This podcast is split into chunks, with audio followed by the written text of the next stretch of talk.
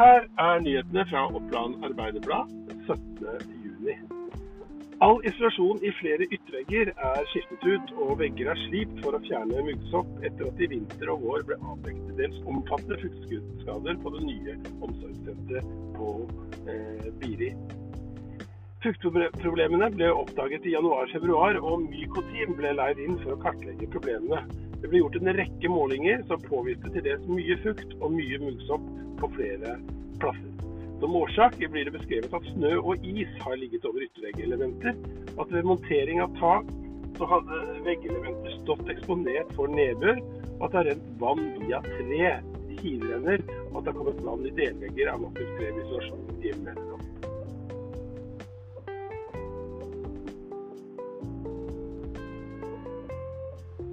Hele Gjøvik uttrykte i starten av mai bekymring for ungdomsmiljøet rundt skysstasjonen. På én måned skal situasjonen ha forandret seg drastisk. Kari Rolstad, tjenesteleder for barn og familie i Gjøvik, var blant dem som var bekymret for ungdomsmiljøet for kort tid siden. Under et møte i utvalg for oppvekst i midten av mai fortalte hun at eh, hun selv hadde observert at rus var en del av miljøet, med bl.a. ungdommer ned i 13-årsalderen. I løpet av en eh, måneds tid skal situasjonen ha forbedret seg. Bl.a. skal det etter OA kjenner til vært gjennomført en rekke samtaler med foresatte som rett og slett ikke var klar over at ungdommene deres var et del av et slikt miljø.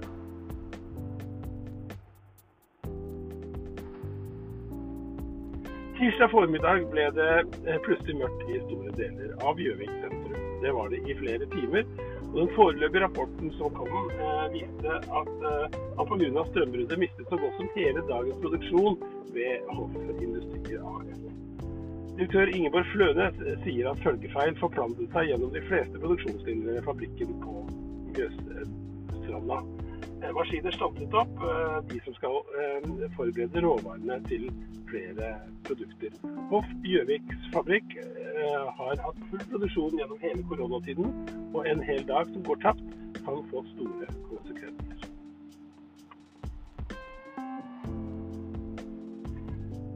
Da Valdres eh, fotball eh, lå nede med, med eh, brukket rygg, så var man ikke i tvil om at man skulle ringe til gamletreneren Atle Johansen. Han la agentjobben til side og sa ja til sin tredje periode i klubben som uh, trener.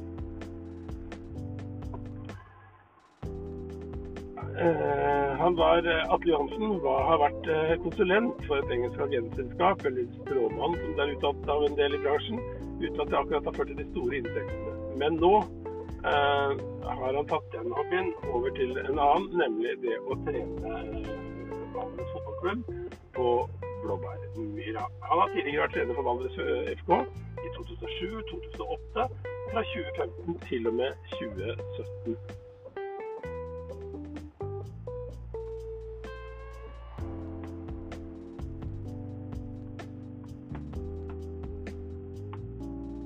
Maren Lundby skifter klubb helt ufrivillig.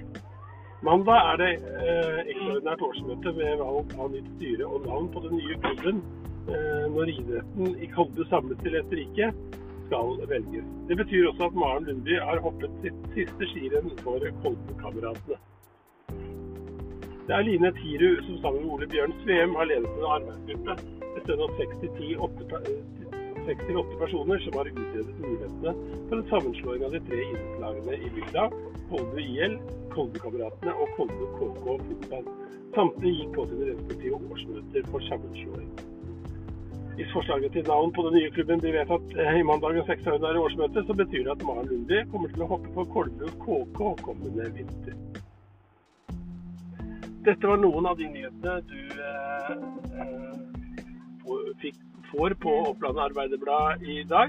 Du kan lese flere nyheter på oa.no, eller eh, laste ned noen av våre podkaster på eh, der du gjør slikt. Mitt navn er Erik Sandli, og vi ønsker deg en fortsatt god dag.